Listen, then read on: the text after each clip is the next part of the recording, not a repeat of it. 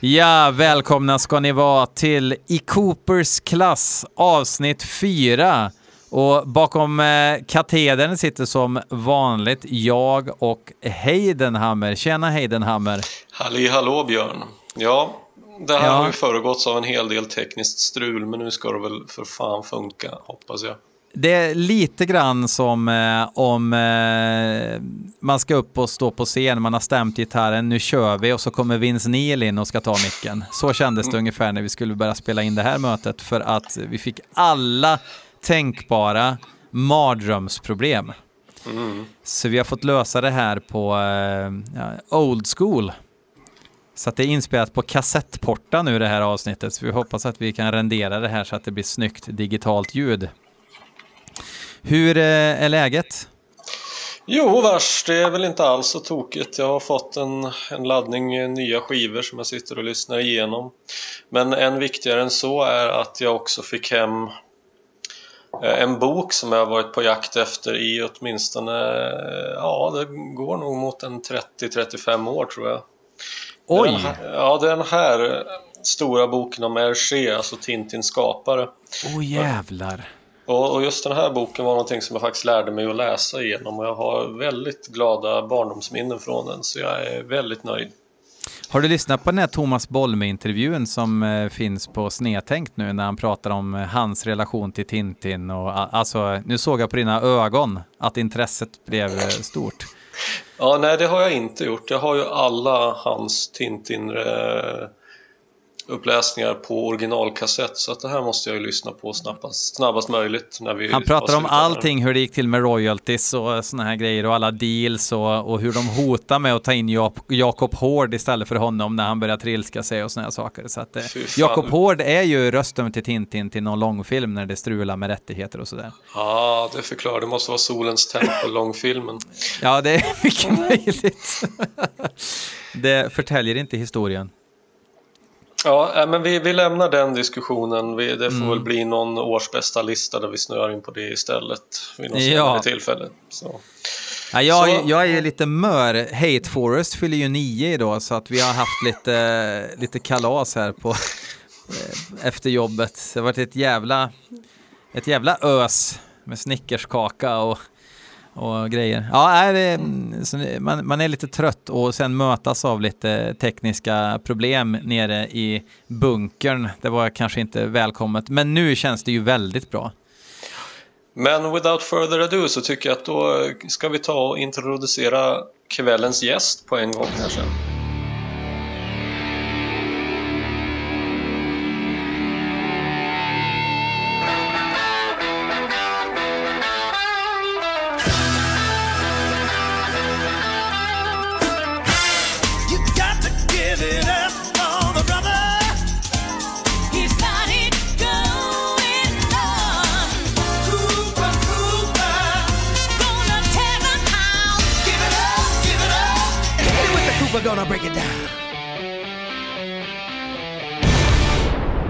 Med oss på länk ifrån Limhamn har vi ju ingen, ingen mindre än eh, Kristoffer Larsson, känd ifrån eh, ja, massa grejer, men Driller Killer och Mob 47. Ingen säger Mob 47 för övrigt.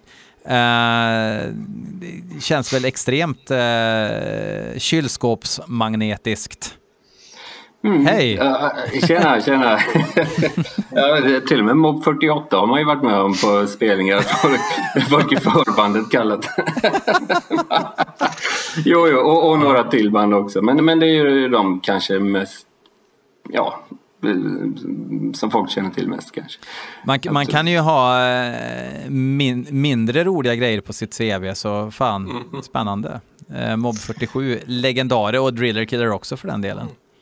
Mm. Och, och båda dessa banden, jag har inte varit med och startat givetvis något av banden utan det är ju eh, ja, band jag växte upp med som jag sen eh, kom med i liksom. Men eh, ja, det har, har varit kul minsann. Ja, ja men det, det, det är ju lite kul också, för det här är ju första gången som vi snackar så här ju. Eh, men, men det finns en gång som vi har snackat, Kristoffer, Och eh, jag spelade i God Macabre, spelade jag bas. Mm. Och eh, jag kan minnas fel, men jag tror att du såg oss när vi spelade på eh, stället i Göteborg där alla spelar som la ner. Alaska, Ja? Truckstop. Alaska. Kan det stämma? Ja, okej. Ja, det, det kan säkert stämma. Ja, Ha, har, du haft, har du haft eh, lite längre dreads eller? Ja som längst gick väl ja, till marken. Ja, ja. klippte av. Och, och då har jag ett minne av att du kastade upp dreadsen på scenen rätt mycket när vi spelade. Ja, ja, ja, kanske. Alltså genom att headbanga då. Jag inte slängde med händerna i. Ja, men, ja, det kanske var någon kompis som gjorde det bredvid då kanske? Ja, det kan ha varit. Alltså, det kan ju fly, flugit upp om man står där och diggar liksom. Ja, Men ja, inte ja. med händerna skulle jag kanske. På, på. Jag kommer ihåg några, några snärtiga pisk mot benen nämligen. Alltså, det, alltså, det, det, okej. och, och, eh, det, var en, det var en sån eh, udda upplevelse. Så att, eh, så att jag tänkte om... om, om eh, Men, men vilka, vilka spelar ni med då? God Macabre. Eh, med, vilka mer band menar jag? Ja, det var vi och N-Trails var det som spelade. 2015 kanske? Eller 2000, kan vara 2016. Jag tror det var 2015. Kan... Jag är, jag är ganska Ja, det- säker på att vi pratade också på småtimmarna där om Driller Killer Ja. och sådär. Så att, eh, därför Ja, ja, men då, då, var, då kanske det var jag. Jo, Ja. men det var det nog. Ja, nej, men det är ett roligt minne i alla fall. Att, eh, Ja. att eh, jag har känt din, ditt, ditt hår mot min kropp. Det är alltid något. men du är du är först inbjuden, alltså det var väl genom Per Stille, var det inte så? Jo, precis. Ja. Han kontaktade mig eh, för ett par dagar sedan och eh, sa att han var tillfrågad att snacka om killeplattan och Mm. att han eh, inte kände att han hade så stor koll på den så han hänvisade till mig då. Som han, ja vi får väl se om jag har bättre koll. Mm. Ja. men, men, Nej, jo, det- ja men så gick det väl till. Jo, men det var precis. Jag frågade honom att han, han sa att han hade ju lyssnat på de första avsnitten och han gillade dem. Eh, och då visste jag ju att han var åtminstone en stor fan av Alice Coopers tre första skivor och då tänkte jag att ja, men då skulle han väl kunna smyga in även på Killer men det sa han blankt nej till och menade att där hade han ingenting att komma med och då ja, passade han över pucken till eh, dig Kristoffer och så ja, tog vi ju kontakt. Ja, ärligt talat, jag minns att vi, vi har snackat, jag och Per, om eh, Alice Cooper förr och sånt. Eh, och, och då var han inne på just, vi snackade om just uh, kill, Killer då ja. Ja. Och, för han, han, vi, vi snackade om Alice Cooper överlag, men just Killer, att han tyckte det var så jobbigt när den Boogie Woogien startade i Under My Wheels. så, om jag minns rätt. Eh, jag, jag har en kommentar om det, att det är ganska intressant att den öppnar med en Dörten Dörten eh, som handlar om att köra över en tjej med en bil.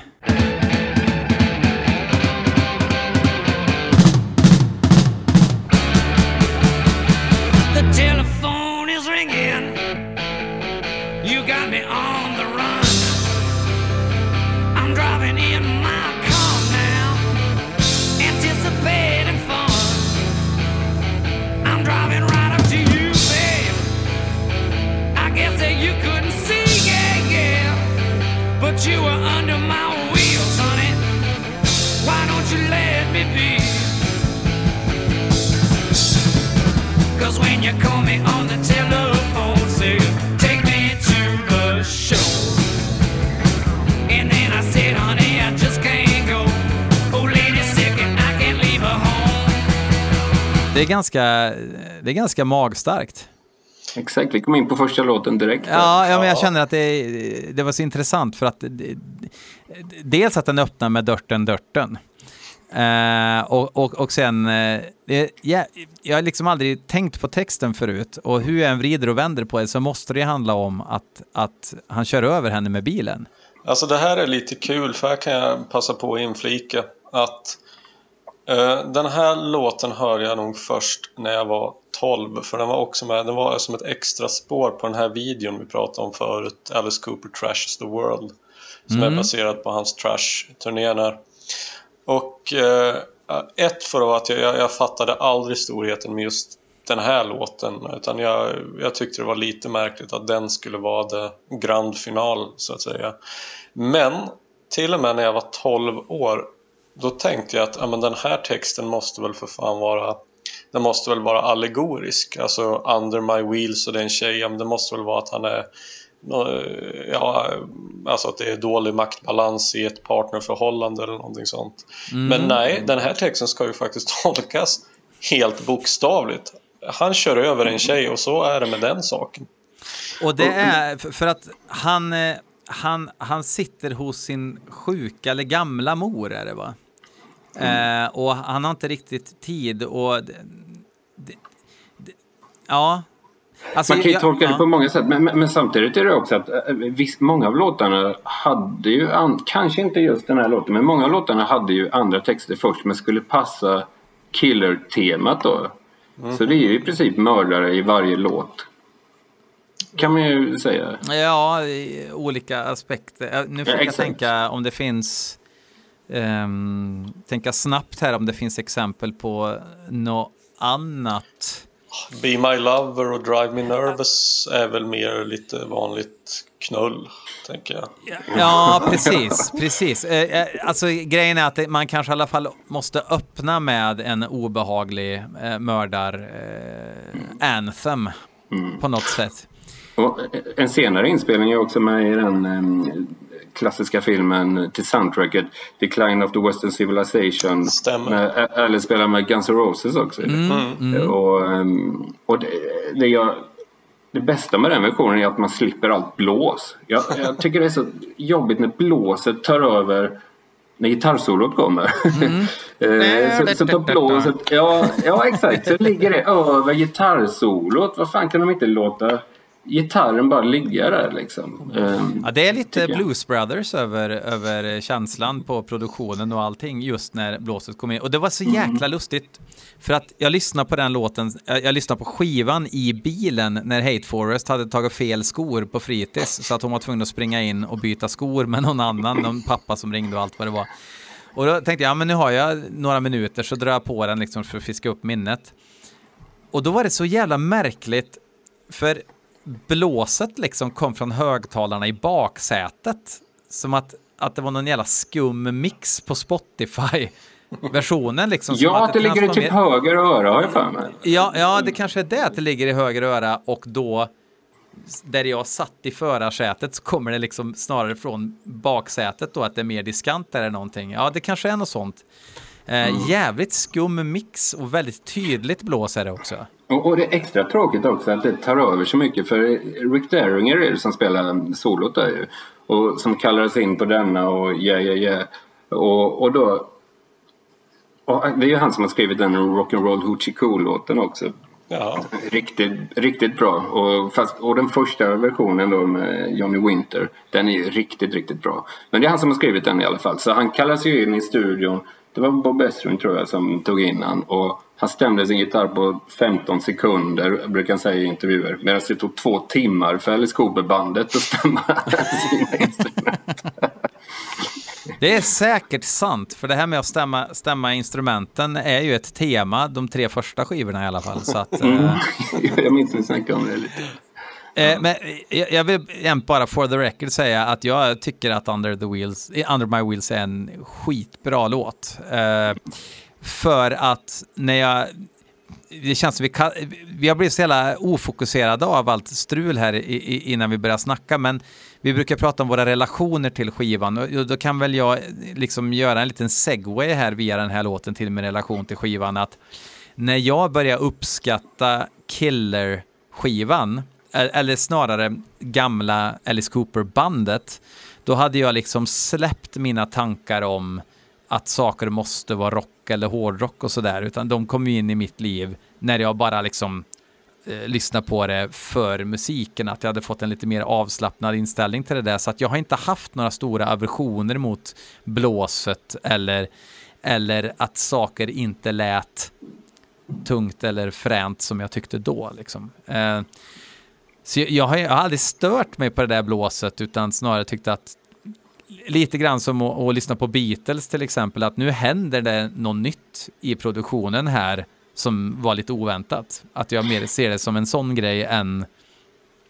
men, men du har ju rätt, det- det förtar ju solot Men, lite. men absolut, alltså, men det är ju främst tonerna blåset spelar som, Mm. och att det ligger högre än vad det hade behövt. Liksom.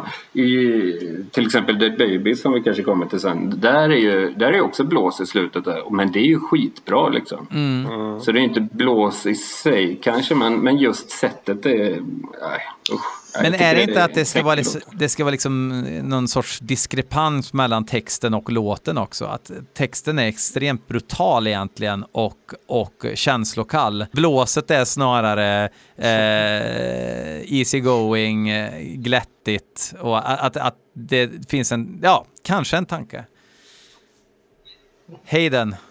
Jag, jag vet inte, jag, jag tänkte att om man skulle börja så här med eh, knyta ihop eh, lite grann med relationer till de respektive skivorna så det här var en skiva som jag i sin helhet hörde och köpte först också ganska sent, alltså jag tror jag var typ 20 i alla fall. Och då köpte jag en, en märklig rysk bootleg som hade smält in den här och Dada på samma skiva. Och det är ju jävligt eh, olika sorters Alice Cooper. CD snackar vi nu? Ja, nu har det CD. Ja. Eh, och eh, det här ryska bolaget har tydligen gett ut en likadan uh, dubbel Alice Cooper som jag också köpte och det var Love It To Death och Trash på samma skiva så även där var det ju en fullträff kan man väl säga. Men eh, jag tycker väl lite att om man ser Ja, för mig har nog Killer alltid varit väldigt mycket att det, det är en uppföljare. Alltså om man, Alice Cooper själv har ju sagt vid tillfällen att han har gjort skivor om par. Alltså så att det är eh, Pretty's for you, Easy Action, det är Trash och Hey Stupid, eh, The Eyes of Alice Cooper och eh, Dirty Diamonds. Alltså att man kan se att det finns en parlogik där. Absolut. Och då, har jag nog, då tycker jag nog verkligen att Killer, ja men det är ungefär som uppföljare brukar vara. Alltså, det är, om man ser rent produktionsmässigt och låtmaterialmässigt så tycker jag att det är, det är lite kaxigare, det är lite mer självförtroende och man, jag tycker man hör att både sångaren och bandet känns lite mer utkristalliserade här och även karaktären Alice Cooper för att det är väl på den här skivan som han för första gången också använder sig av den här spindelöga ögonmakeupen. Ah, den är med redan på Love It To Death. Fo- Gatefolden där. Ja, den kanske Eller- är det. Där är ju den med. Eh, mig. men- Men den är ju med här också. Däremot sen på turnén. Det är ju första gången han använder det här clownsminket med två streck. Ja, ett streck ner från varje öga och ett streck upp från varje öga. Mm. Eh, Men, men eh, ja, så Gatefolden är ju faktiskt eh, från Love to Death. Där har han ju redan det där som Turbonegro sen snodde också Mm. på någon senare. Ja, okej. Ja, jag, har, jag har ju försökt läsa på lite grann i historien och så här och jag märker att kronologin är lite haltande i de olika versionerna. Men jag antar att det måste ju ha varit så jävla mycket som hände på en gång för det, det är ju så korta tidsintervaller man ser här mellan de olika inspelningarna. Verkligen. Men, eh, men just det här med, ja, jag sitter och sneglar lite grann på mina fuskanteckningar som jag eh, gjort efter att ha lyssnat igenom skivan några gånger till innan. Är att det är ju en massa fler utsmyckningar, alltså det är mer blås och det är körer och det är doo-wop och det är stråkar och mer tydligt arrangerat och lite mer påkostat. Men jag vill ändå säga att det blir lite av den här generiska uppföljarkänslan för mig. Att det blir inte riktigt samma känsla för mig som i Love It To Death. Utan det är mindre övernaturligt och religiöst och kanske lite mer socialrealistiskt mörker blandat med, med mer ren humor. Men det, det är nog mina intryck av honom. Plattan överlag liksom, inte första låten. Nej, inte första låten utan... eh, Mm, men, jo. men det märks ju ganska tydligt i första låten som du säger med blåset och liksom att eh, Mm. man hör ju att Esrin har fått ta plats eh, rejält här med sina... Precis. Men det är bra, alltså det är bra inledningen då. Det, det är en bra rocklåt. Han sjunger ju superbra här. Shit. på hela plattan. Riktigt bra sång. Och, eh, men ja, vad ska man säga? Det, det är inte... Den här är ju ingen, om man snackar plattan överlag, den här är ju ingen sån stor hit som eh, I'm 18 till exempel. Eh, De två första låtarna, My Wheels och Be My Lover, de släpptes ju på singlar båda två men de blir ju inte alls lika stora. Men däremot som album har det ju varit mer... eh, eh, gick den ju väldigt bra liksom. Första guldplattan och så. Och, ja, jag, jag tycker det är topp fem. Helt klart. Alltså om man, om man ser ur hela, alltså, jag, jag måste också säga lite så här att eh, om, om vi ska hålla på och lista bästa Alice Cooper-skivor och sådär. Jag, jag hoppas ju att min, min syn på Alice Coopers diskografi kommer att förändras lite genom den här resans gång när man verkligen måste djupdyka i alla skivor. Men idag, januari 2022, så är ju det här lätt, alltså jag skulle nog säga jag, jag, jag drar nog oftare på den här än Love It To Death också.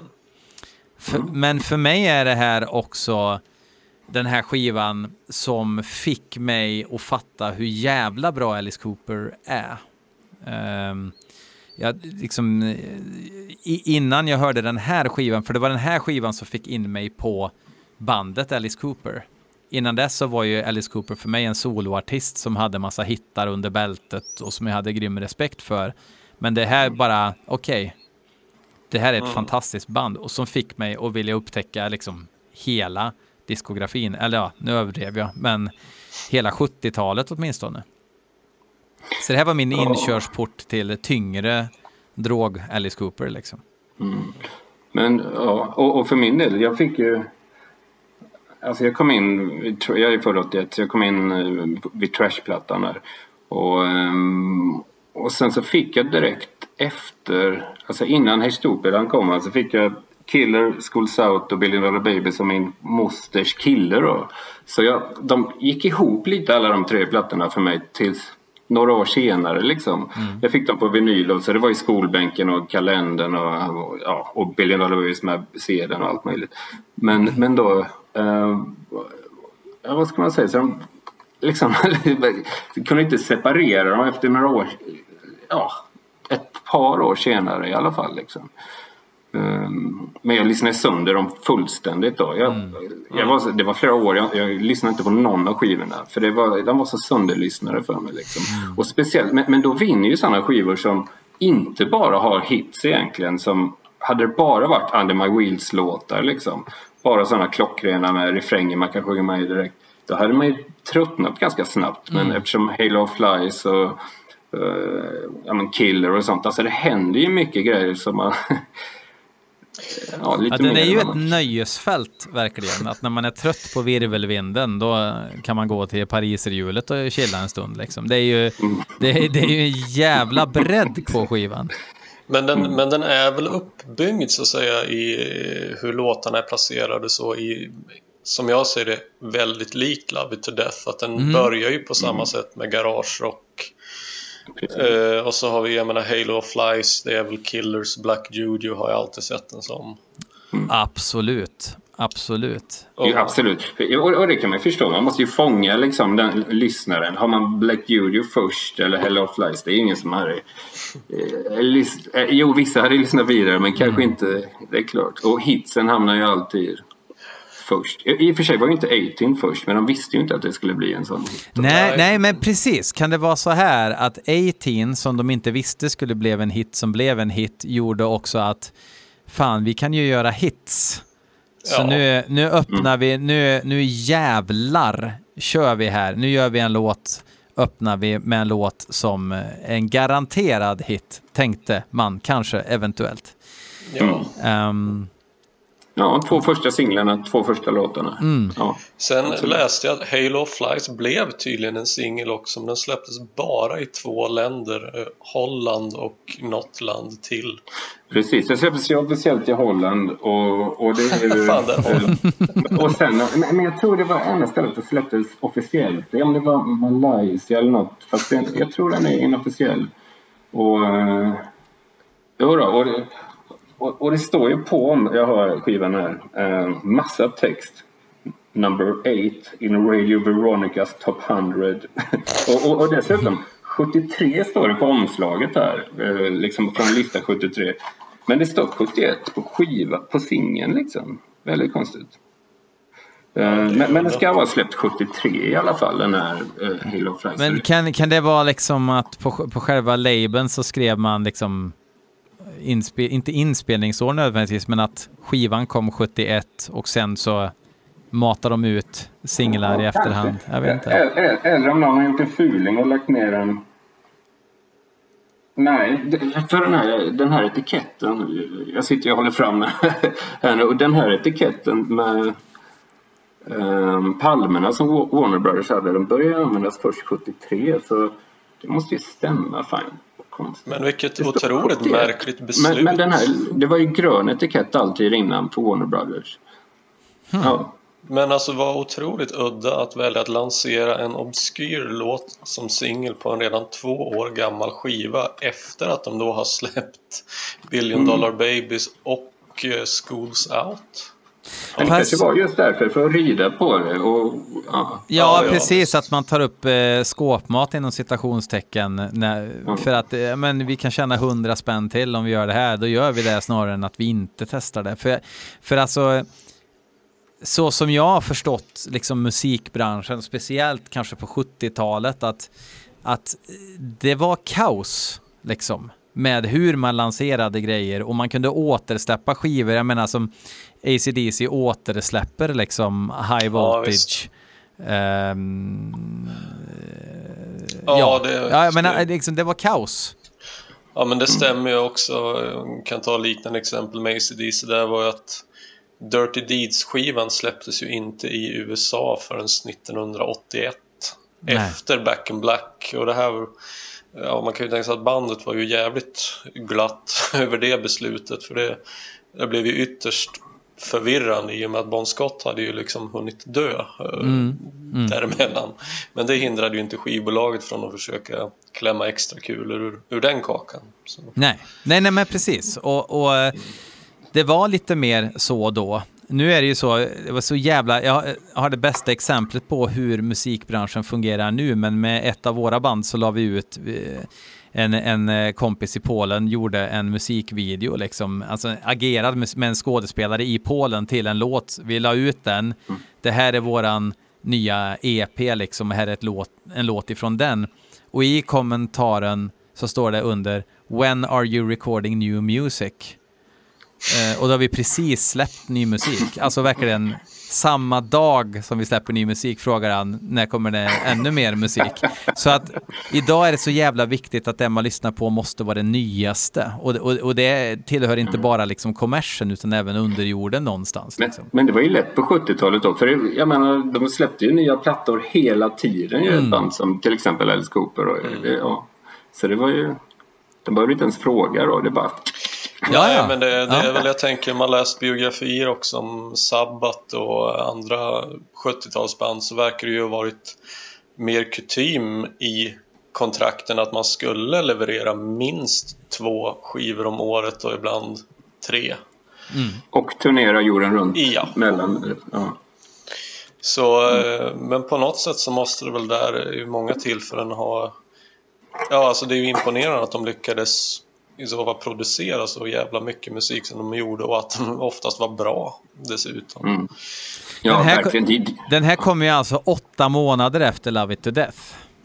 Det är tåls ju, det tåls ju att väga in i... Och då turnerar de ju en del på Love It To Death också. Liksom. Ja. Fast det, det känns som att det, det var väl 72 som de började världsturnera va? Ja, ja, de var lite i...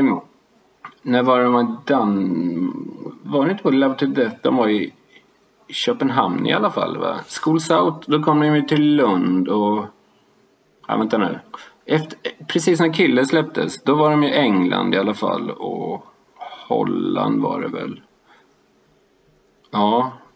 Och så, såklart USA också. Mycket just mellan USA. De blir aldrig, det dröjde ett tag innan de blev stora på i Los Angeles, New York där liksom.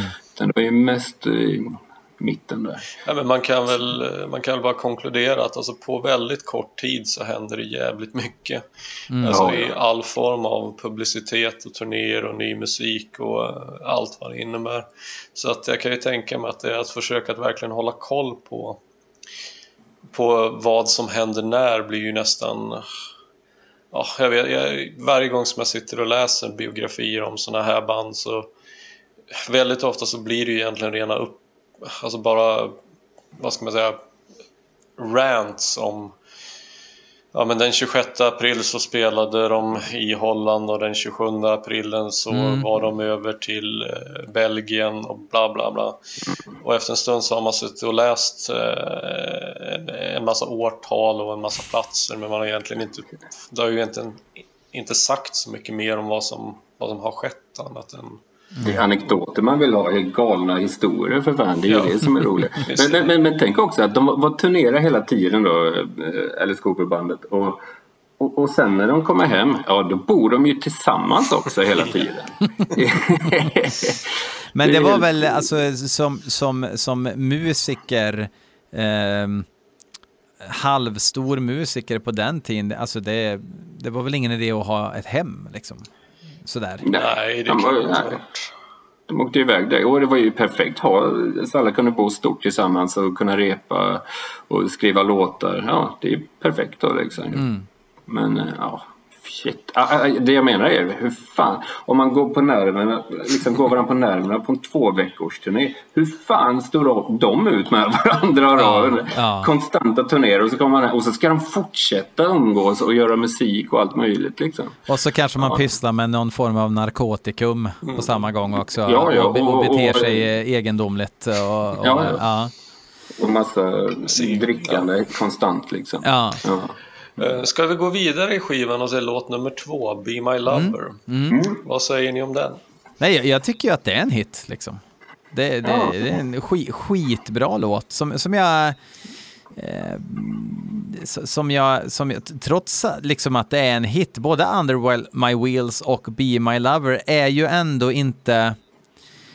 Det är ju inte riktigt såna här hits som man blir astrött på just för att det är lite finurliga ackordföljder eh, sådär som gör att de inte är för blueprint på något vis.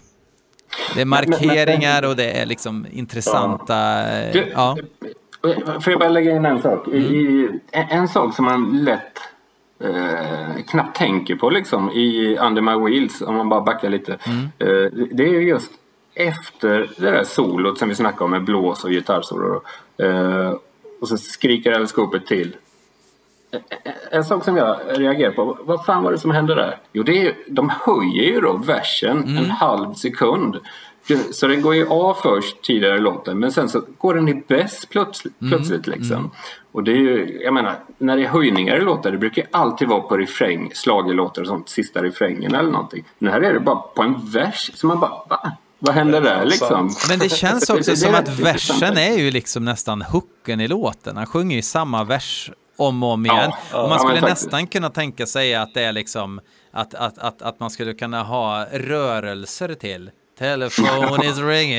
En Got riktig me on Mora the Träsk-koreografi. run, driving in my car. Alltså, Ja, den, den, är, den är väldigt liksom barnvis eh, hookig. Ja, det är det faktiskt.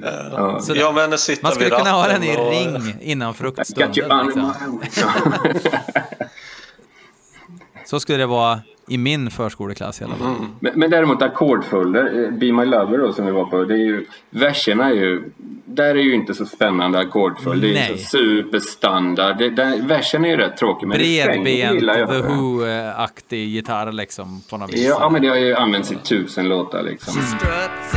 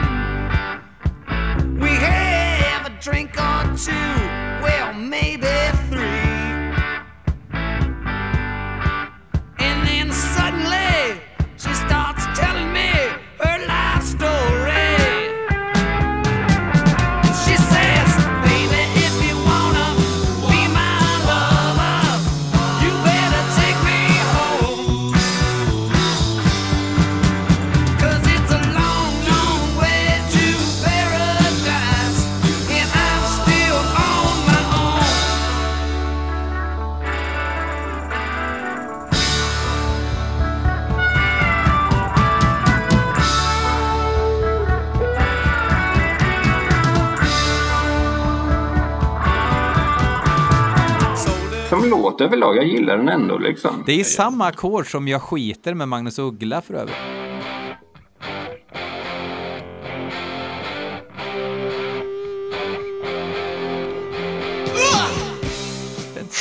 Ja, ja. Ja. Eh, där tror jag fan av någon anledning jag snappade upp. Ja, men har, har inte han faktiskt till och med sagt att det är en plankning rakt av? Har han gjort det? Nej, nu, nu, nu ska jag säga, ta, jag tar inte gift på det här. Men eh, det, när du säger det här, då ringer en väldigt bekant klocka. För, för det var någonting, det är det som är så intressant med den här poddserien, att den tanken hade jag ju aldrig haft om jag inte liksom eh, eh, forskningslyssna. Som jag, alltså man, man, man har några helt andra spröt nu när man lyssnar på de här låtarna. Man bara kanaliserar inte bara, utan man tänker mycket också. Och då bara stod det mig, okej vilka låtar har man? För eftersom det är så standardackord liksom. Och då tänkte jag, det är ju, det är ju jag skiter introt liksom. Ja, det kan Kan vi göra grymt medley då kanske? Ja, ja. Men jag tänker att refrängen där, det är väl också, det är väl väldigt klassiskt 50-tals doo-up till och med med körerna som har smugit in där.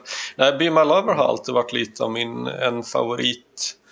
Uh, så där, den sätter sig ju som en könssjukdom liksom. Man får inte ut den ur huvudet hur som helst. Alltså, det, det är, men det är ju, och det är ju just det, tror jag, för, kontraster i musik och låtar är ju det som gör eh, okej låtar till bra låtar kan jag tycka, ofta. Även om kontrasterna kanske inte alltid är så uppenbara, men liksom, jag brukar säga det i podden ganska mycket med black metal, liksom att visst, man kan ha några söta allmogeriff, liksom att nu ska vi se om potatisen har växt. Det är helt okej, men det måste komma ett elakt riff också som bryter av lite så att man ändå får känslan, vi får inte glömma bort att det är djävulen i centrum här. Liksom. Eh, samma sak är det med poplåtar någonstans, att versen, det gör inte så mycket att versen är generisk eftersom sen kommer refrängen och då händer det någonting med, med hela liksom låtens lynne på något vis liksom. Eh, och då blir den skitbra. Och sen kan man till och med spela luftgitarr på Jag skiter-riffet nästa gång det kommer. För att man har kommit in i den liksom. Eh, ja, Ja. Och, och basen också. Grym. Ja, Den stämmer. Eller, ja, det gäller i princip alla låtar. ju. Man kan säga det om vilken jävla låt som helst. Basen är helt otroligt. Ja, nej, men den, bra är- Dennis Dunaway är ju verkligen... Eh, alltså, det här kan jag ju tycka att det blir jävligt trist att säga att Alice Cooper-bandet hamnat, hamnat i skymundan för, för själva artisten eller för, för solartisten Alice Cooper. För Dennis Dunaway är nog en av de, mest, eh, en av de bästa basister jag vet. Och jag tycker ändå att han borde fått Absolut. mer erkännande för det än, än vad han kanske har. He- Helt klart. Och det, för det är helt, helt unika grejer. Liksom. Det är ingen annan som hade kommit på vissa både toner och rytmer han lägger in i vissa låtar som är helt out där. Men det blir så snyggt liksom. Det, ja. Ja, han, han, han kör ju helt liksom egna melodier. Och, han, och det som jag tycker är så fascinerande också, att ibland så kan man känna så här, och jävla vad coola idéer den här musikern i eh, vilket givet band som helst har, och det är unikt och sådär. Men det, det blir aldrig liksom riktigt samma heller. Det, det är inte så att han, att han använder ett liksom tonspråk när han spelar, utan det är som att han hör någonting och så bara här, här kan jag göra, eh, nej det låter inte som att här kan jag göra någonting utan det låter som det bara sker. Liksom. Men jag är tror- Och, och dessutom de andra gitarristerna ligger ju mest liksom, eller Glenn Buxton mest då när han spelar solon. Det är ju pentaskala konstant, Mm. liksom mollpenta. Men, men eh, Dennis Dunaway gör helt, han är gör helt fria prylar. Men Jag tänker att eh, om det kan ha att göra med att, eh, som vi pratade om lite grann tidigare, att de, hela bandet håller ju fortfarande på och lär sig under de här åren. Alltså att de lär sig att spela eh, själv, själva och tillsammans och utvecklas som musiker så att det hinner väl aldrig stagnera någonstans utan det, det är ju ett, jä- alltså det är ju ett jävla kör hela tiden med, med turnéer och ny musik som ska produceras och repningar och, och sen Bob Esrin som liksom står som en slavdrivare och sköter ruljangsen och tvingar dem att lära sig nya saker hela tiden. Så att jag, jag tror att det nog hörs. Jag tror att det är ett resultat av, av en, en jävla aktiv, några väldigt aktiva år. Mm. Och efter Love It To Death hade de ju lärt sig hur man skulle skriva låtar med, ju, eh, med Bob Esrin och hur det funkar i studion också. Hur man kunde använda sig mer av studion för att eh, få ut det de ville sen ha på scen till exempel. Som, som sen Killer till exempel, låten Killer. Ehm, ja, absolut. Så de tänkte nog ganska mycket på det sättet också. Och sen en så jävla kul, som, som i, i just Be My Lover, hur det här med tempoväxlingar och de går ner i, ett- alltså sådana saker som, eftersom vi lever i, i eh, spel efter klick-tiden i världen, där varenda låt går i exakt samma BPM och allt är tillrättalagt. Det är så jävla skönt att lyssna på gammal musik där man faktiskt bara, nu går vi ner i tempo här och det är trummisens, det är trummisens känsla som bestämmer det, vilket tempo Ja. vi hamnar i. Jag tycker det är så jävla skönt. Otro, alltså det, ja, ja, jag gillar verkligen Nils Smiths trumspel. Mm. Men jävlar vad släpet det kan bli ibland. Det blir lite väl släpet, speciellt när eh, liksom virveln ligger väldigt efter ibland. Kanske inte så mycket på just killerplattan, men eh, ja, plattan innan i alla fall. Då, då är det, det är riktigt sådär bakom, någon 16 eller efter. Ja, men det är fan, det är där, det är där i livet häng. finns också. De där sena virvelslagen, det är där liv finns. Ja, jo, jo, jo. Och, och det, ja. Ja. Det, det var jag, jag, håller med, jag, jag, jag har inte tänkt på det, men, men nu när du säger det så förstår jag vad du menar. Alltså jag, jag har bara liksom inte reflekterat över det innan. Det finns Men, men det ju... konstiga är, det konstiga är, jag lyssnade på någon live eh, någon livespelning idag från killertiden, eller från killerturnén då. Eh, och då var det då var det inte lika släpigt men däremot stackade tempot väldigt mycket liksom. Det började snabbt och så bara mm. gick det ner väldigt mycket liksom. Och, och något som är skumt är var, vartenda hi-hat-slag är ju lika hårt liksom. Det är ju inte liksom Ja, som att man kanske... Men ja, är, är, det, är det Ringo Starr-skolan då kanske? Ja, ja det är det kanske. För det, det är väl en stor grej. Det, var, det är väl lite, lite kul eh, sidnot bara liksom. Paul McCartney snackar skit om Ringo Starr i alla år. Sen kör han soloskivor och så spelar han trummor själv och spelar precis som Ringo Starr. Ja, ja, men det är väl det klassiska. Men det skulle väl vara en myt det där. När de, blir- när frågar vem som var bästa, eh, om Ringo Starr var bästa trummisen i hela världen. Ja, eh, nej, nej, han är inte ens bästa trummisen i Beatles. liksom, så. men, men jag vet inte, det ska väl vara en myt bland annat. Ja, men För alltså- det, den har man ju hört. Ja, ja, Men det- ja men det, finns så det han myter om något band så är det vem på- eh, The Beatles. Ja, på soloskivorna ja. Eller i alla fall i början. Oj, oj, oj. Mm. Ja, det har jag inte hört. Ja. Så han, Ja, han är ju ja. ingen klåpare på att skriva musiklåtar. Jag menar ju att den enda, det enda tillfället som Venom vart dåligt det är ju när inte Abaddon är med i bandet. Och jag menar Abaddon var väl kanske ingen takthållare eller hur ska man säga, han var ingen metronom men Mm. det var ju ändå han som drev bandet vill jag Mm. påstå. Jo, Idag är Abaddon, Abaddon pigg, sa de. Ja, det, Nu får vi skynda på här, för Ja. nu kör vi. Ja. ja, men vi Eh, går vidare men eh, jag. Halo Flies då? Alltså, ehm, ja, grym. en, Så en, jävla bra. enligt, ja, det, och, och det är en sån här låt som bara objektivt eh, cool låt på så jävla många sätt. Men här var det ju, eh, läste jag någonstans att här ville Alice Cooper eh, visa att de också kunde spela King Crimson prog. Liksom. Mm. Eh, och, och det kan ju vara en sån här någon- har sagt någon gång och så bara är det en sån här, någon sån här bevingade ord sådär. Och det är egentligen ganska ointressant för jag tycker inte att det låter jättemycket. Ja, nej, jag tycker inte att det, jag skulle inte bara säga fan vad King Crimson det här låter, men jag kan förstå det också. Det är ju en proggig låt liksom.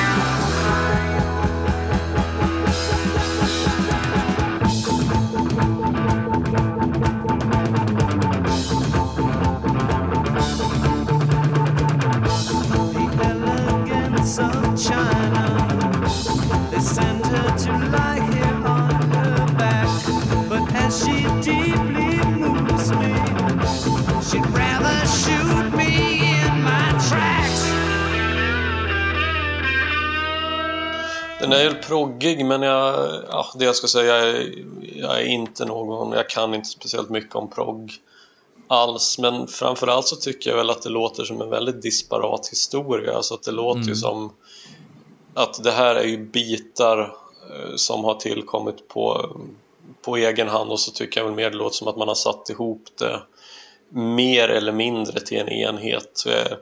Jag, fattar, jag, som jag har tolkat det i alla fall så har det alltid varit att ja men det här är Killers Black Juju. Men jag tycker inte att den här låten hänger ihop lika bra som de olika delarna i Black Juju. Eh, Det, jag tycker Halo Flies är en svinbra låt, det är en av mina favoriter på skivan men det känns mer som så att säga ett Ja, men man har gjort en smörgåstårta av olika ingredienser och tyckt ja men gott för att En, en, en riffsallad menar du? Ja, jag tror Ja. det. jag, jag tycker den är grym faktiskt. Det, är- och, och, här- och texten är någon eh, skum historia. Agenttema liksom. Lite så här James Bond-aktig. Men... eh, Och, och dessutom så galopperande bas. Lite Steve Harris-feeling där. Dun, dun, dun, dun, dun, dun, Jag tänkte fan vissa- precis också på det när jag lyssnade igenom den nu häromdagen. Att det... Sen även texten känns ju faktiskt lite som The Prisoner. Eh, nu är ju Iron Maidens Prisoner i och för sig baserad på 60-talsserien. Jag har ingen aning om om den överhuvudtaget gick i USA. Ska vi bara bestämma nu att i varje avsnitt måste vi även prata om Iron Maiden av någon konstig Ja, anledning? det, så, så blir det. Killer Killers. Det, vi är där. Ja. Nej men om man ser det agentgrejen då så blir ju det också lite grann av en föregångare till i att Alice Cooper gjorde ju musik eller låten Man with the Golden Gun så att fascinationen för såna här spionhistorier verkar ha funnits redan från början. Det kommer ju finnas anledning att prata James Bond på Billion Dollar Babies också sen. Men det Ja, definitivt. Eller Muscle of Love. Muscle of Love, ja. Ja, ja, precis. Det också. Trots att den inte kommer med. Men, eh, Ja, jo, men jag, jag tänker även när det finns referenser på Billion Dollar Babies också. Som kanske inte är Mm. uttalade, men som jag tycker är jättetydliga. Men det, Men vi har en annan filmreferens här i Halo- Halo of Lies. Den uh, Sound of Music-prylen där. Från eh, My Favorite Things. Ah! Ja, ni vet. Ja, ja, ja, ja, Det, ja, är- ja. det är från den låten. Det har jag aldrig, inte- inte det har jag aldrig, jag har aldrig tänkt på det. ja, Jag reagerar, nej, inte jag heller. Trots att, trots att jag, jag vet vilken låt du menar och Mm. jag vet vad du menar i, i, i låten. Men jag har aldrig gjort kopplingen. Nej. Fan, Så vi har stört. Magnus Ugglas Jag skiter och eh, Sound of Music. Jag vill bara säga att jag, skit, jag, jag, jag skiter kom efter 71 vill jag bara säga också, så att ingen börjar, inga foliehats. Eh. Nej, Jag skiter en bra låt också för övrigt, så vi ska inte, vi ska inte skita på den. Um, Okej, men Halo Flies. Ehm, lite kul där, ehm, när, när jag googlar lite på den där. ehm, jag, jag, det var ju, jag, jag köpte den här, jag tror det är på Sieg Howdy med Melvins och Yellow Biafra där de kör en cover. Sieg Howdy, det var en, en, eh, någon sorts pastisch på George W. Bush. Ehm, och och då, då, då kör de ju Halo of Flies med Alice Cooper. Jag kan ha fel, det kan Just vara... det, med Yellow Biafra på sången. Ja. Och- Skit-otajt sång. Ja, ja men, men, men alltså det, det värsta är att de skulle kunna skrivit den. Ja. Alltså, det, Det, det, låter det, bra. Men, men det kostar att Yellow ja, Jag älskar ju Dead Kennedys och sånt. Men Ja. fan, det låter jättekonstigt när han sjunger den. Det, med sin läspande röst och sitt... Ja, det feeling, all your questions. I got the answer to all of your questions. If you got the money to pay me in gold. Eddie Meduza vibrato Ja. liksom. Men det, jag tycker det funkar. Eh, men, men, men då, eh, då, då, ja, jag, jag tycker det är intressant när folk, de gör, de gör ju den egentligen rakt av. Men, men med Buzz Osborns liksom eh, ganska egensinniga gitarrspel och sådär och Yellow Biafras betydligt mer egensinniga sång så gör de den ganska till sin på något vis, trots att de plankar den. Men eh, jag vet inte hur jag kom in på det, men jag bara noterar att, att de har gjort den covern. Men det är ju en, det här är ju en skiva som många musiker nämner som inspirationskälla, eller som i alla fall högaktar. Eh, kan ju vara när den kom, första Alice Cooper-skivan som många kanske kom i kontakt med i, i som, de som kanske är i 50-årsåldern nu. Jag vet inte. Eh, Eh, men Johnny det refereras mycket. exempel. Johnny Rotten, ja, som ju uttryckte att det är den bästa rockskiva som har gjorts och såna här grejer. Liksom. Det är ganska stora ord från en jubelidiot i och för sig, men ändå. Men han var ju ingen jubelidiot Nej. då. Han, Han var ju, han var ju faktiskt eh, helt fantastiskt vass. Ja, Eh, under 80-talet tråkig- i alla fall. Tråkig Fast han, han sa väl om orden när den här boxen kom ut, den här fyrserie-boxen. Ja, ja, så jag vet inte om han var idiot då eller inte. Nej, alltså, han, han började Eller var väl... det början på 2000-talet? eller? Alltså det är väl bara de senare åren som han har utvecklats i en väldigt besynnerlig riktning. Så att jag vet inte, det är väl någon tilltagande demens eller någonting. Så. Alla genier är ju 38% idiot i alla fall. Så att eh, det ska ju vara någonting så här. Jag säger svinrimliga saker och så tycker jag det här är helt orimliga samtidigt. Liksom. Det får ni tugga i er. Eh, Eh, eh, ni har sett den Super Duper Alice Cooper dokumentären Ja, kanske? Och, och där snackar jag också Lay off the golf Alice. Mm, jag har all respekt för dig, bla bla bla, men but lay off the golf. Ja, det var, det var en, en... Det känns som att, att Alice Cooper och golf pratades det väldigt mycket om på 90-talet någonstans. Att det var helt orimligt märkligt att en person som Alice Cooper skulle spela golf liksom. Men nu är... Det kallas ju inte moderatbandy längre. Utan nu är det väl en jag folksport. gör det. Ja, jag med. Men det, ja, det. nu pratar jag om eh, mainstreamen. Men visst har, jag har inte läst den här boken själv och jag har heller aldrig sett den. Men visst finns det väl en biografi, eller om det till och med är en självbiografi som heter Alice Cooper Golfmonster. Ja, jo, jo. Men, men det konstiga är det, jag, jag kollade upp den nu i, i jag har den givetvis. Och, och då är det, det, det är bara en enda sida om Killer. Ja, ja. Det, ja. Men det är likadant i de självbiografier jag har läst alltså av eh, Michael Bruce och eh, Dennis Dunaway att de, de skriver inte speciellt mycket om de respektive skivorna och jag, jag tror att som jag tolkar det är det helt enkelt därför att de, de gjordes väl i en sån rasande takt att man kanske Ja, inte jag tänkte säga det, för, för att om, om, om man då har skrivit någonstans kanske det fanns mer att skriva om inför Love It To Death, där de ändå, det hände så jävla mycket med bandet. Mm. Sen snackar vi alltså ungefär sex månader då tills den här var inspelad gissar jag eftersom den släpptes i oktober. Jag hoppas Ja. att det i alla fall tog två månader och trycka eh, en vinylskiva eh, 1971. Så det är inte så mycket tid vi pratar om. Mm. Och hur mycket kan ha hänt rent mer än det kreativa liksom? Fast det kreativa kan man ju också skriva om i och för sig, men Nej, det är så där, den man skulle i så fall, om jag, om jag skulle säga drömsjälvbiografin att läsa i det här sammanhanget, det är nog i så fall, det skulle vara Bob Esrins i så fall. Där han Ja, kunde, ja, han har aldrig gjort någon där. Nej. eh, jag vet inte, inte vad jag känner till i alla fall.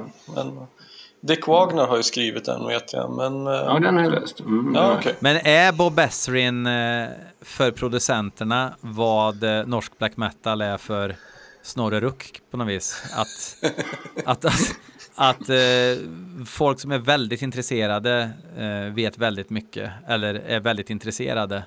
Men eh, Svenne Banan är inte det. Ja, det, man kan väl fråga sig. Alla kände visste att Meatloaf dog nu, men hur många känner till Jim Steinman som skrev alla låtar? Exakt. Och dessutom producerade Sisters of Mercy på ett hörn, tycker jag är lite kul. Men det är en annan historia. Ja, Eh, ja. Jag säger, klockan liksom, eh, tiden tickar ju på så vi har Oj. en liten tidsgräns Ja. på en timme. Så jag tycker vi går vidare i låtordningen och går in Mm. på Desperado här va? Desperado, Yes. ja just det. Mm. Eh, då vet jag att i den här boxen The Life and Crimes of Alice Cooper som var uppe på tapeten lite grann förut så vill jag minnas att det är där det stod att den först den här låten hette Desert Thing. Och sen så skulle den ha skrivits om för att mer handla om Jim Morrison men jag tycker att det är en, sannolikt en ren efterhandskonstruktion därför att inte fan finns det något i texten som egentligen handlar om Jim Morrison.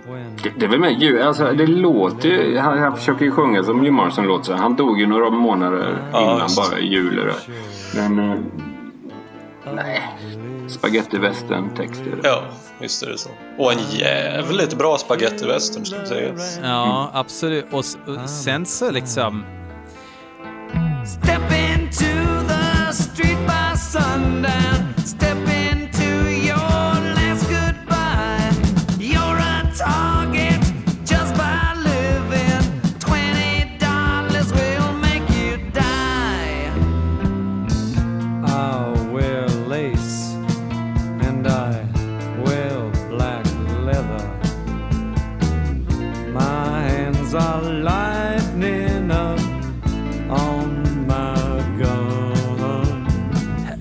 Är, det, det är det här som är så jävla intressant att Alice Cooper är ju mästare på att dra ner tempot och skapa en, eh, en eh, väldigt heartfelt aura på något vis.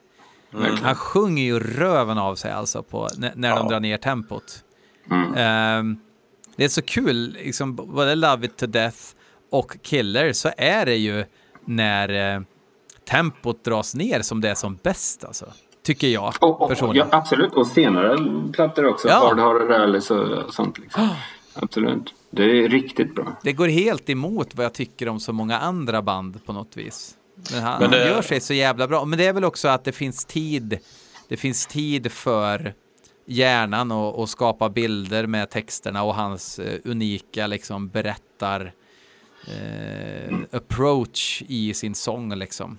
Men jag tänker att eh, det är väl för att han är en så jävla bra röstskådis, alltså med det han gör.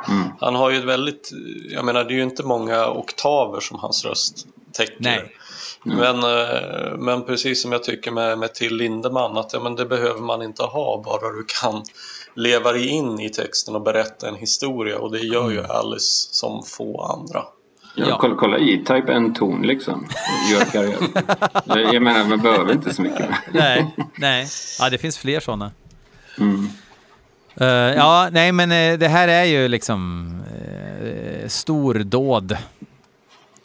Rakt igenom. Ehm, Och där jag tycker det är ju fan, här kommer ju också den, den riktigt bra Bob Esrin. Alltså om jag har, och jag har också lite grann svårt för det här blåset i Under My Wheels men här har han ju fattat grejen fullkomligt med de här stråkarna som skapar just den här spagetti. Här är det verkligen befogat. Ja. Så att nej, men där, här har han ju på, på kort tid, för låten är ju inte speciellt lång heller, men den lyckas, den berättar ju en, en historia från början till slut och med, ja, med en väldigt massa sekvenser som går in sömlöst i varandra tycker jag. Så att det, det är nästan full pott på något vis. Precis. Och, och något kul jag läste, det var, det var Dennis Dunaways idé från början. Och så sen så tog Mike Bruce över och gjorde någon spansk känsla på låten. Och så sen eh, ändrade Alice Cooper texten fullständigt. Så det slutade med att Dennis Dunaway, han fick ingen cred, credits alls för låten. Helvete Men, vad sur men han han fick, måste ja, ibland var det tvärtom. Fick han mer cred än vad han skulle ha. Så det jämnade ut sig skrev. Eller så, sa han då. Det jag läste. Ja tack. Ja, ska vi gå vidare? Vi har ju faktiskt halva skivan kvar. ja, jag- jag vill bara säga A-sidan är ju ändå objektivt stark, liksom. Ja, får ja, man väl lov att säga. Vi snackar två hits och vi snackar en hit i Holland tre år senare, eller vad var det du sa? Eller var det Malaysia? Malaysia. Och sen eh, Desperado som ju är en eh, jävla stordåd. Sen tycker jag att... Eh, Fyra hits i min värld. Ja, det- Ja, jo, jo, jo, jo, jo, precis. Absolut. Det, det är ju en definition där med hits såklart. Eh, men men sen, sen så tycker jag You Drive Me Nervous, sida B, nu, nu blir det lite eh, transportsträcka för mig. Om man, om man ska se Alice Cooper mätt liksom sådär. Jag tycker den är svinbra faktiskt. Jag tycker han sjunger skit. Jag tycker den är bra. Jag, jag gillar den. Jag har hört folk säga samma sak om den Mm. innan också. Men, men jag gillar verkligen den. Jag tycker den är svinbra låt. Eh, Den är svängig. Jag såg att du gjorde en liten luft-hi-hat där och jag håller med. Ja, jag, håller, jag, håller med jag håller med att den är svängig. Men, men, men det, det, det, är ju, det är ju inte den låten jag... Jag tänker ju inte på den låten när jag tänker på Killer-skivan ändå. You got it nervous,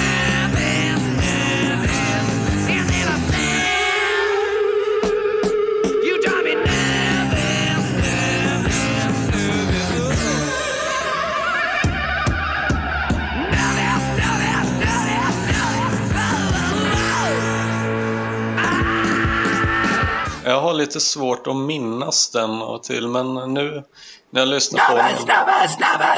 Det, det, det, det, det partiet minns man.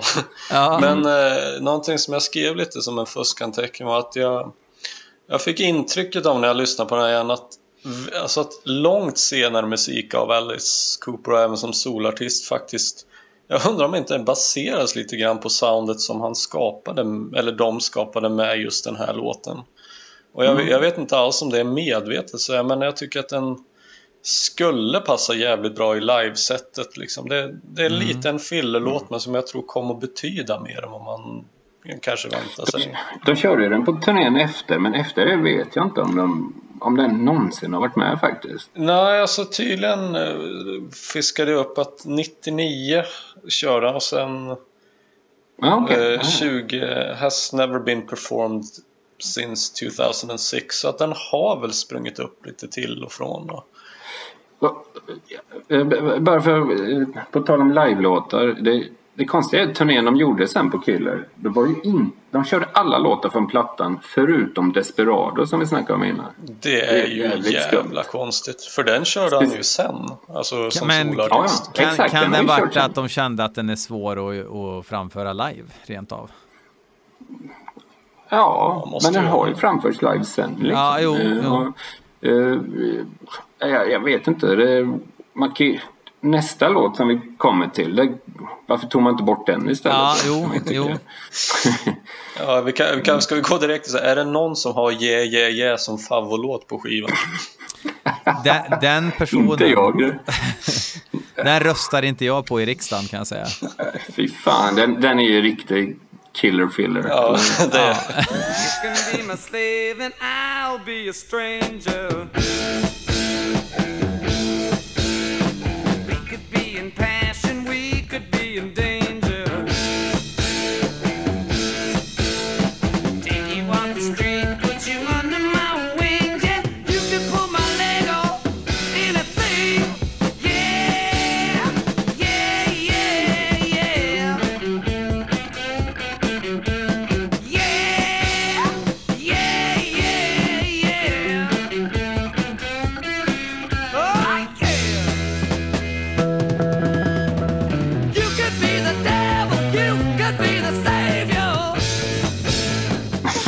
Absolut, absolut. Ja, och, och, och jag menar, som, som alltid när vi pratar om Alice Cooper, inte dålig liksom alltså, den är väl småkul men det är ju en axelryckning och jag menar Ja. jag, jag kan inte tänka mig att den här skrevs som någonting annat än just en fillerlåt för att bara produceras och spotta fram nytt material och få med på skivan. Men den har ju också en väldigt bra plats då kan man ju ändå säga. Ja, ja. eh, I track. Alltså de kunde ju inte satt den på ett bättre ställe. B2. Ja. Men alltså B, sen... B2 och, och sen vad det som komma skall. Ja, ja, gud. Men alltså jag tänker att ibland så vet man ju inte heller. Jag, jag tänker på, eh, om vi pratade om Black Sabbath tidigare, att vad fan, Paranoid skrevs väl på fem minuter och hade väl, det var ju ingen som trodde att det skulle vara en, en höjdarlåt och sen blev det ju plötsligt en, en av världens mest kända låtar då, inom hårdrocken. Så vad vet Men, men man? det som är... Ja, ursäkta. Ja, nej, jag var klar då. Men, men det som är bra med... Det jag gillar med den här låten det är bara en sak och det är sticket. Så det är tur att det kommer två gånger då. Innan och efter gitarrsolot. ja, det, Ja men alltså utan sticket så hade det ju inte varit någonting. Mm. Nej, nej, nej. Nej, det, det är bara... Riktigt intetsägande låt faktiskt. Ja. Den är rätt kass. Det är den faktiskt. Ja, jag, jag, jag vågar, jag, jag kan fan, jag har inte hjärta att säga att den är kass men okej men eh, i sammanhanget så jag menar om vi pratar, om vi går efter killer-skalan så är den väl ganska jävla dålig Ja, en bagatell liksom. En ja. killer filler. Du, du sa det. Ja, det är ju det. Ja, det är ingen killer thriller, utan det är en killer filler. Ja. Eh, men sen kom ju en killer thriller. Det gör den. Dead Babies. Den här låten tyckte jag var genuint obehaglig på Ja. riktigt. Ja, Tycker jag väl fortfarande när jag ja fortfarande kan jag, kan jag är i, i helt liksom rätt slash fel mindset så, så blir jag väldigt berörd av den här texten. Ja, alltså den är ju jävligt starkt skriven. Alltså, det är nog få... Den... Om jag skulle jämföra med någonting någorlunda samtidigt. Lou Reed lyckades väl skriva så här deprimerande texter i rocksammanhang. Men det är nog fan bara han jag kommer på. Som är Vill du samtida. utveckla texten lite sna- snabb sammanfattning till alla elever där ute? Ja, ja alltså den handlar ju om föräldrar som inte tar hand om sina barn helt enkelt. Eller... Och Och så därmed tas en dör. burk med aspirin. Ja. Mm. Eh, Parental neglect var väl liksom Och, och det och skapar ju en del kontroverser. eh, När den kom också. Givetvis så var det väl någon Sivert Öholm typ som missförstod texten om att den heter Dead Babies. Så Dead babies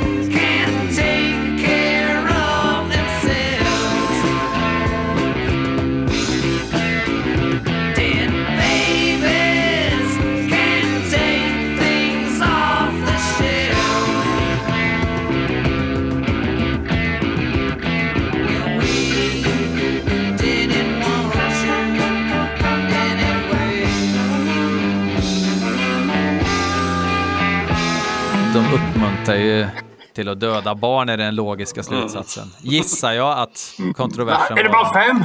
Sivert Öholm. Döda bebisar, stämmer det? Ja, knullas som en vilddjur som är bäst.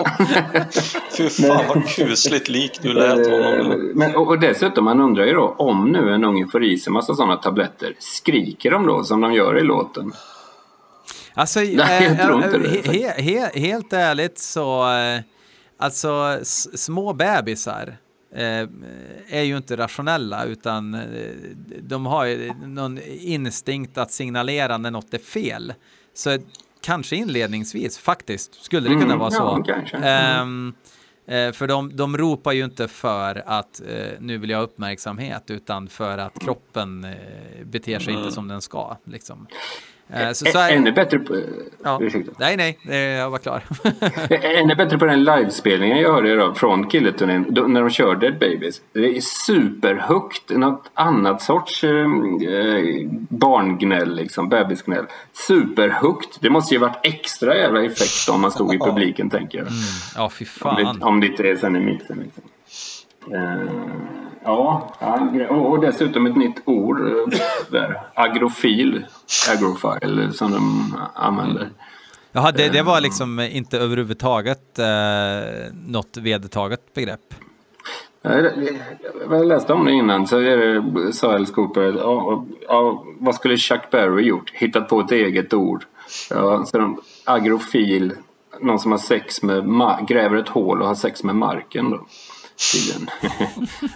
ja. Men om man säger Little Betty ate a pound of aspirin. She got them from the shelf up on the wall. Betty's mommy wasn't there to save her. She didn't even hear her baby call. Och då kan man tänka så här liksom, om man inte har hört låten och bara läser texten så kan man tänka, ja, en liten obehaglig eh, berättelse, men ändå, ja, kan, kan kännas lite platt och det rimmar och sådär. Men hur det levereras och tillsammans hur musiken liksom klär det. Så, så, så är det så jävla, vi kan använda ordet igen, moloket. Nej, men det är ju full pott där. Jag vill minnas Ja. också att jag har eh, läst någonstans om att den... eh, De hade väl lite problem att få till den här låten, men att... Ska säga, vers och refräng. Att, att det var egentligen två separata låtar, två andra låtar. Eh, men att de, eh, i och med att de repade där de gjorde på den här gården, eller vad man ska kalla det, i Pontiac i Michigan. Så åtminstone enligt historien och myten och enligt dem själva så ska de ju ha varit grannar med någon form av eh, fängelseanstalt i närheten som hela tiden hör när de repa och att de, ska jag säga, de intagna fungerar som någon slags feedback. Och då var det någon i bandet som menade att när de spelade eh, refrängen till musiken till Dead Baby så fick de jättemycket gehör och så fick de jättemycket gehör för en vers i en annan låt och då kom de på att de skulle masha ihop De här två. Och om det är sant eller inte, det, det vet jag ju inte. Jag menar, det kan ju såklart också bara vara en skröna. Men i så fall måste det ju sägas vara en match made in heaven för det är ju en sån jävligt bra kombination av ackordföljder och riff och hela paketet. Tänker jag. Precis, det var Dennis Dunaway som gjorde det mesta och, och, och, och som sa just det att eh, stående ovationer från fängelset typ och, och det gjorde att de andra medlemmarna i bandet blev övertygade om att eh, låten, eh, att det funkade liksom. Men, men jag tänker liksom det är ehm, hela det här sättet att skriva. Jag, jag vet inte om det är Well, we didn't want you anyway. eh, Sjunger han ju. eh, om Betty då, det här, den här bebisen. Och om det är liksom var, var, var, det, var det nytt att iträda sig rollen som, för, för han iträder ju sig någon sorts han, han, sjunger ju, han sjunger ju om tredje person. Men han tar ju föräldrarnas plats där. Well, we didn't want you anyway. Att, att det var så ovanligt att inte eh, sjunga i jag-form eller någonting. Att det blev som kontrovers eftersom texten är så jävla uppenbar. Mm. Att bu- är budskapet är ju så tydligt. Ja, men det är jättekonstigt hur man kan missförstå det. Att, att det är det här ordet we istället, well, they didn't want you anyway. Att, att då, ja. Men jag tänker å andra sidan om folk i dessa dagar kan liksom börja gråta blod över någon som Mr Cool och tro att han menar allvar med sina Ja, grejer. ja. Mm. Så jag vet inte, om folk vill missförstå så kommer man alltid att göra det vare sig man vill eller inte. Nu, nu, är det kanske li, li, lite andra ord liksom. Förvisso, men- Den texten. Men, men, men man måste ju sätta sig in i den här tiden. Det var väl säkert jättechockerande liksom.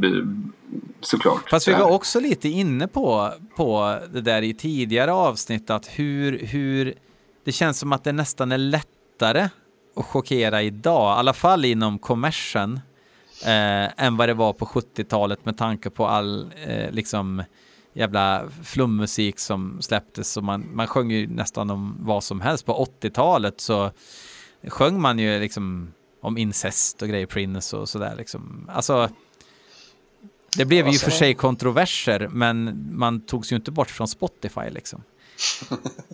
Eh, Alltså vi, det där är ju nästan, jag tänker att det är ju nästan ett, ett ämne för en mer, alltså en vetenskaplig genomgång av, jag ska säga, när, när människor har börjat reagera på populärkultur och chockeras om. För det, det känns ju, alltså det är ju jävligt godtyckligt tycker jag vi kom fram till i tidigare avsnitt. Alltså att vad som chockerar ett år kan vara hur tamt som helst tre år senare men så kan det göra en comeback efteråt.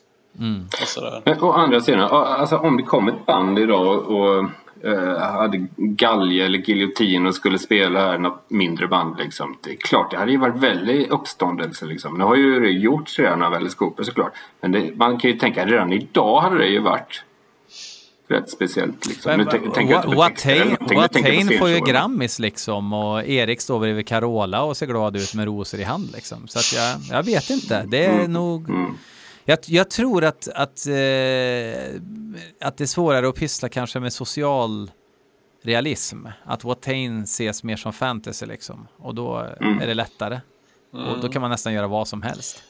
Väl därför jag tänker mer på, på Velvet Underground och Lou Reed där men samtidigt så vet jag ju inte hur många Alltså det är lite lustigt för delar av Alice Cooper eh, skulle ju också ha med Lou Reed att göra och Esrin inte minst. Var det. Mm, mm. Eh, Men då vet jag alltså återigen 71 Jag är inte så historiskt insatt att jag egentligen vet hur det såg ut på den tiden men vi kan ju bara konstatera att folk blev upprörda och folk Mm. Ja, ja. missförstod liksom. Absolut, absolut.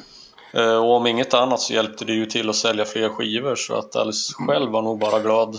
Ja, Ja, ja, såklart. spädde osanna rykten, det, var inget de förnekade. Nej, nej. Ju mer rykten och ju mer gal... Ja, det är klart. Det var ju bara bra för business. Och nu, nu går man ut på Facebook direkt och tar avstånd liksom. Det, Mm. Så var det ju inte då. Ehm, ja, men, men det kommer, till, då kommer vi till... eh, Fast man kan ju förstå det ibland också. Nej, det var en romersk hälsning. Man, man kan ju förstå ibland att...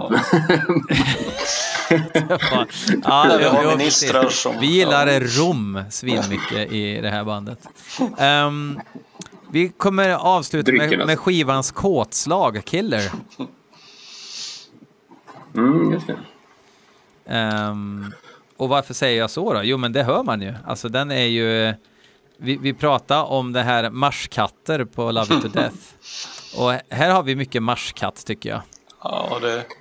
Ja, men eh, Killer har jag alltid tyckt är svinbra partier, men lite grann som med Halo Fly, så att ibland så är de olika partierna så disparata, för att använda det uttrycket igen, att jag ibland faktiskt glömmer att de tillhör samma låt. Men det är som ett bra Seinfeld-avsnitt, att det kan vara fyra olika historier inklämda på 21 minuter och alla historier är svinbra, men det är inte så lätt att komma ihåg ibland vilka som hör till vilket avsnitt. Så här. Nej, nej. Det var en bra referens. Men, men det är lite det som gör att en sån här platta kan hålla längre. Som jag sa innan, om på alla hade varit så klockren Anma Wheels-låtar, ja då hade man liksom... Det är ju det som är lite grejen här tycker jag. Med Ja, absolut. att det är lite skumma, ja, konstiga. Ja, absolut. Och eh, så är det med, med ganska många skivor överhuvudtaget som är väldigt bra. Så är det ju liksom grejer som, som kanske inte egentligen är så naturligt och rimliga som händer som, som skapar någon sorts nå, nå, någon sorts eh, ja, men kontrast och spänning också på något sätt. Eh, Absolut. Men här är ju The Doors rätt mycket också, känner jag. Ja, ja, utan tvekan. Ja, det, eh, ja, men det, det är väl också så att jag tycker det, det är en svinbra låt, men jag kan inte påstå att jag har så jättemycket relation själv till den, utan jag, jag tycker alltid om den när den kommer som sist på skivan. Och det är väl den här mer keyboard eller orgelpartiet, eller det som jag minns mest av den varannan gång. Men för att ha en riktig relation till den kanske man måste ha dömts till döden då. För att riktigt leva sig in i texten. Att det krä, kräver en igenkänningsfaktor. Ja. Så det här är, ja, på tal om Maiden, det här är ju avslutningen, det är ju Hallowed Be Thy Name. ja, precis. Precis. Ja. Men, men just den här låten ska ju skrivits också just för scenshowen då, för hängningen. Så de skulle ha det som en ny avrättning på mm. scenshowen. här då. Och det var Warner, Warner Brothers filmstudio byggde ju galgen liksom.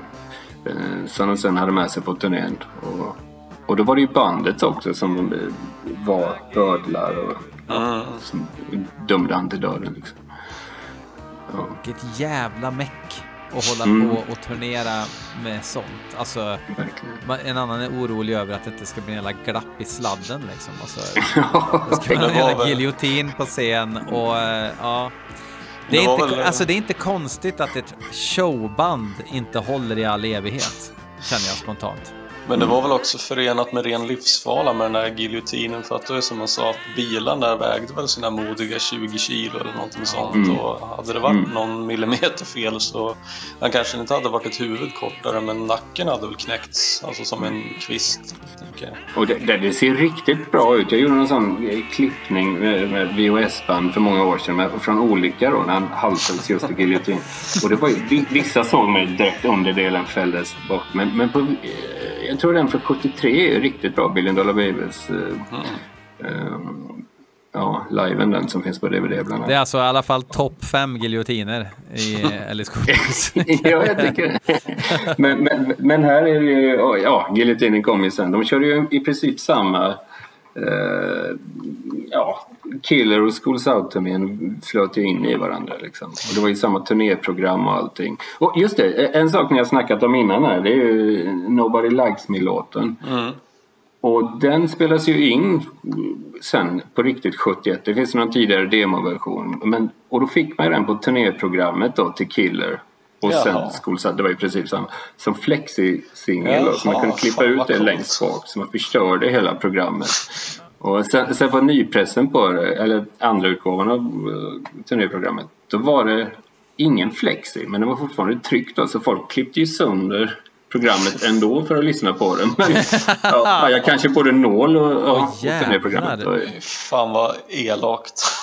ja, men, men den hamnar ju aldrig på någon platta och det är ju ja, lite speciellt kanske. Men, men där, där släpptes den ju, så där kunde ju folk höra den hemma liksom för första gången. Men alltså, om man skulle Av, hur, av fem möjliga giljotiner, hur många giljotiner får Killer allt som allt?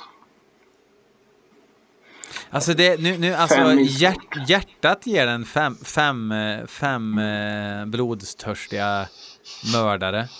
Eh, och på ett intellektuellt plan eh, 4,3. Det var specifikt.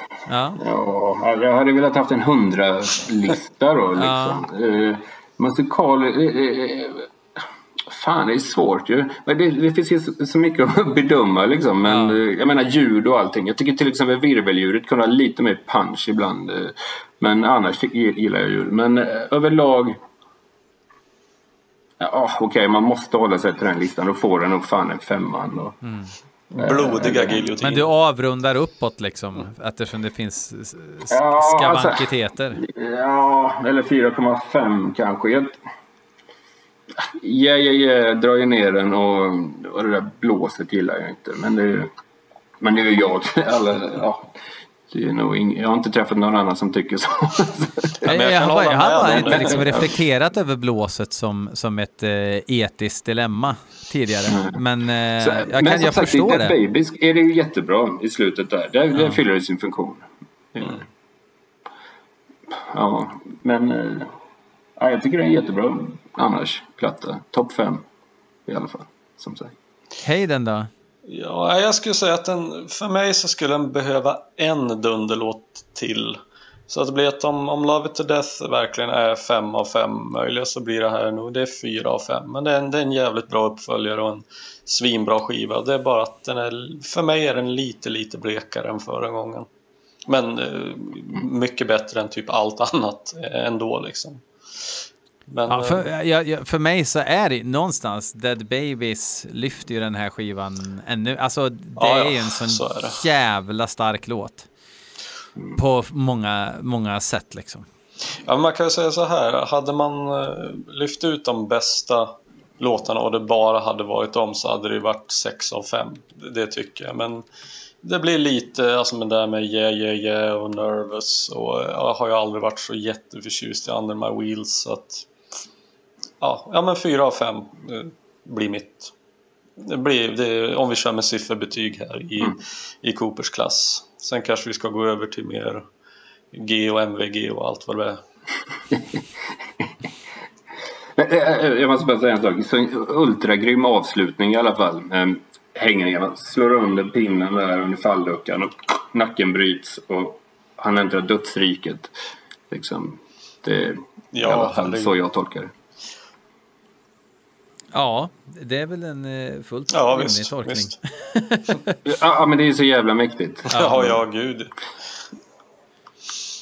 Ja, Men jag det- bara det- tänker... ja, Ja, mm. mm. ja, jag är nog klar där. Slå mig. Eh, fan vad kul, Kristoffer, att du ville och kunde vara med. Jo, den är nästan slut nu. Så, jo, ta, tack så Absolut, det var jättekul att, att snacka eller sko. Ja, jag menar, det, det, är, det är aldrig att man snackar så här ingående med någon om en specifik skiva liksom. Nej. Så det är Nej. väldigt, väldigt kul. Mm. Och, och ja, ja, men precis. Alltså det, det finns väl exempel på poddar som pratar om olika skivor och sådär. Men då, då är det ju oftast lite P3-snack och, och, och sådär. Och väldigt mycket kanske fokus på personerna som pratar om dem. Och det blir det ju alltid när man ska prata om smak och vad man favoriserar och vad man inte gillar och man måste ha referenser och sådär. Men det är, det är spännande att gå igenom en hel jävla diskografi med en enda artist.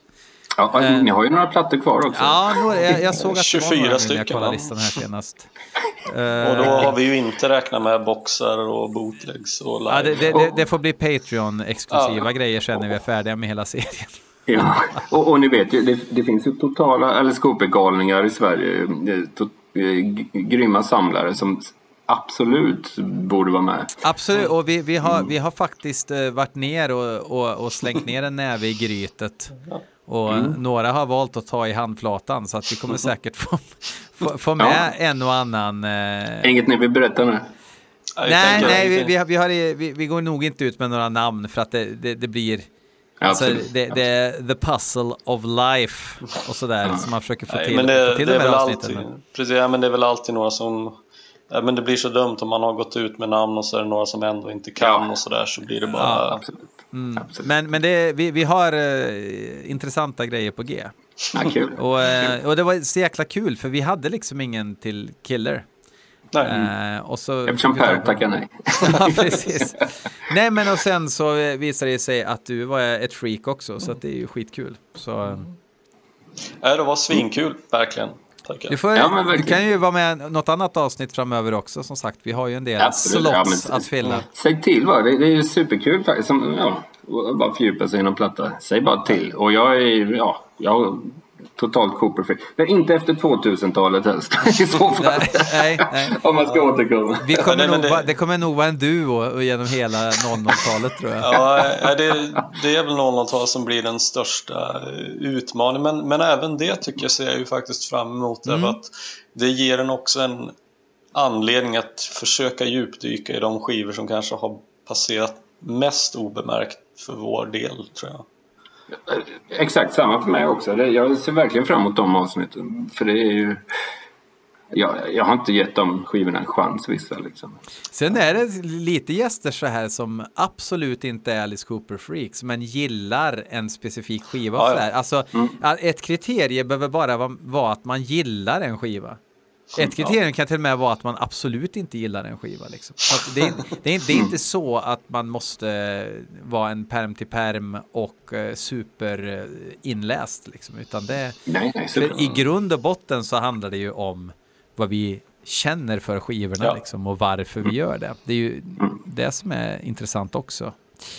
Ehm, Ja, ja, men ska vi runda av här för där ikväll? och- knyter vi ihop säcken och säger tack så mycket Tack så för mycket. den här veckan och tack speciellt då till dig Kristoffer.